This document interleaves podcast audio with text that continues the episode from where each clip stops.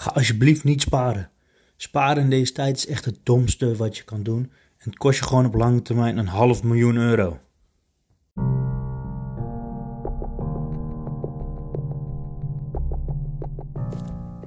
Welkom bij de podcast, De Vermogende Ondernemer. De podcast die jou vertelt als ondernemer hoe je vermogender wordt door slim te investeren en het heft in eigen handen neemt, zodat jij niet hoeft te wachten op je pensioenleeftijd en vroegtijdig kan genieten van je financiële vrijheid. Mijn naam is Thijs Verlangen en laten we starten met deze nieuwe aflevering. Vandaag wil ik het hebben over sparen en over beleggen. En wat nou het verschil is en waarom ik vind dat sparen veel risicovoller is dan beleggen. Ik had laatst een gesprek met een potentiële klant van mij, zo'n twee weken geleden. Hij wilde eerder met pensioen kunnen en dat wilde hij bereiken door te sparen en absoluut niet te gaan beleggen um, in aandelen of wat dan ook.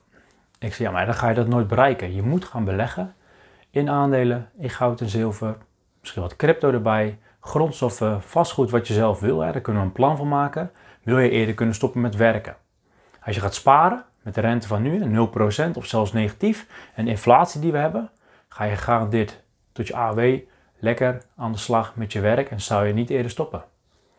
Oh, oh, oh. Ja, maar investeren, dat wil ik eigenlijk niet. Want ja, dat vind ik, uh, dat is risicovol. En dan kan ik net zo goed naar het casino gaan. En hopen dat ik daar geluk heb. Ik zeg, ja, dat is niet helemaal waar. Ik snap waar dat vandaan komt. Hij was iets ouder. Dus vanuit vroeger uit is dat allemaal aangeleerd. Hè? De rente was toen ook wel hoger hoor, de spaarrente. Dus je kan sommige mensen ook niet kwalijk nemen. Maar tegenwoordig ja, is dat niet meer het geval. Mensen blijven heel erg aan het oude vasthouden. En ik denk dat we daar vanaf moeten en dat we veel meer moeten gaan investeren. En toen zei ik tegen hem, kijk, als je kijkt bijvoorbeeld naar investeren. Nou, je kan het gaan hebben over, ehm, wat ik net al aangaf, goud en zilver. Over crypto, vastgoed, grondstoffen. Maar ook heel belangrijk, ETF's. ETF's is een aandeelfonds. En ETF staat voor Exchange Trade Fund. Ik investeer volop daarin, want ik vind het een heel goed product. Een ETF die kan je kopen met een minuut. En dan ja, het kost bijna geen moeite. Het is net zoveel moeite als aan je einde van de maand, als je geld overhoudt. Hè. Je loon komt binnen, je hebt wat lasten en jou wat over. Dat ga je sparen, dat maak je over naar je spaarrekening. En vervolgens staat het daar. Nou, dat kost je ook ongeveer een minuut. Nou, zo snel kun je ook een ETF aankopen. Wat koop je nou eigenlijk met een ETF? Je koopt bijvoorbeeld de 3000, meer dan 3000 grootste bedrijven van heel de wereld in één minuut. Met één klik. Tenminste één klik, drie klikken. Vervolgens ben jij dus eigenlijk mede-eigenaar van die meer dan 3000 grote bedrijven. Nou, in de top 10 zitten onder andere Microsoft, Alibaba, Apple, Facebook, noem maar op. Hele grote bedrijven. En ik ben van mening, if you can't beat them, join them.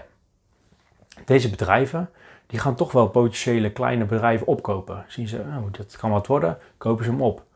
Op zich is dat helemaal niet erg, maar je ziet die grote jongens blijven wel de grote jongens. Als je kijkt naar zo'n ETF met meer dan 3000 grote bedrijven, dan zie je als je terugkijkt vanaf 1926 tot met 2017, die data heb ik, ik zal de bron delen, zie je dat ze ongeveer zo'n 10,3% rendement maken per jaar. Dat is natuurlijk heel veel meer dan de 0% die jij nu op je spaarrekening krijgt. Ja, dan denk je, investeren is dat nou nog steeds risicovol? Nou ja, natuurlijk, investeren is risicovol. Stel je had Imtech gekocht, eh, weet ik veel, x aantal jaar geleden. Ja, zo'n groot bedrijf, rond de 20.000 man. Ja, dat is nu gewoon weg, is. Al je inleg was kwijt. En je had gewoon niks meer overgehouden van hetgeen wat je had geïnvesteerd in Imtech.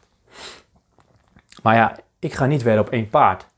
Wij gaan wedden op meer dan 3000 grootste bedrijven. Nou, als die allemaal failliet gaan, dan denk ik dat er veel oorlogen zijn en hebben we hele andere problemen dan ons pensioen, uh, waar we hard voor gaan investeren.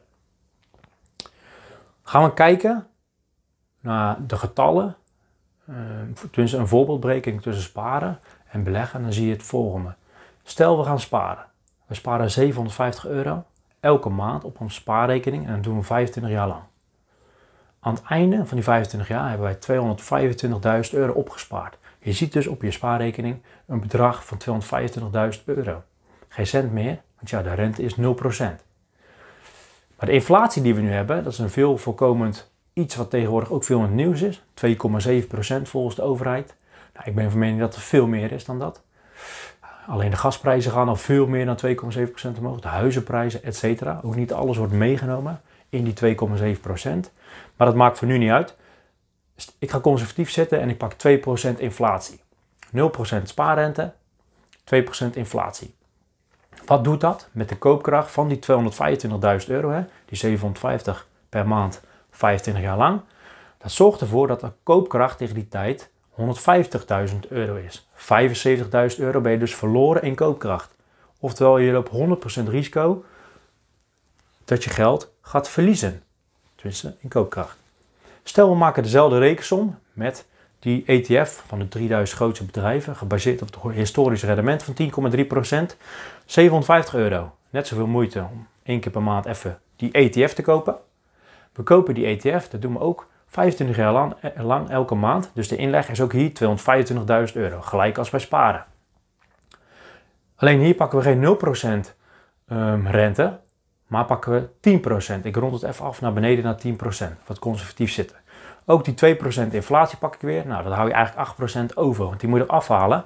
En dan zie je dus als je 250 euro elke maand beleg in die ETF tegen 8%, dat je aan het eind van die 225.000 euro eigen inleg 7 ton hebt gemaakt.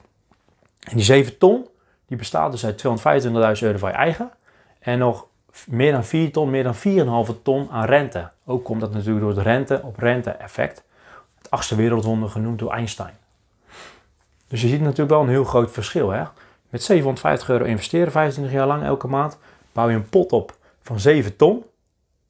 Zou je hetzelfde manier doen, maar dan met sparen, dan bouw je een pot op van 225.000 euro die aan koopkracht eigenlijk nog maar anderhalve ton is. Dus die verschil tussen die 7 ton en die anderhalve ton, dat is meer dan een half miljoen euro. Evenveel moeite, hetzelfde bedrag, hetzelfde periode, alleen een half miljoen euro meer. Hiermee wil ik dus laten zien van ja, let op, sparen is veel en veel risicovoller dan beleggen in een gespreide ETF met heel veel grote bedrijven op een periode van 25 jaar.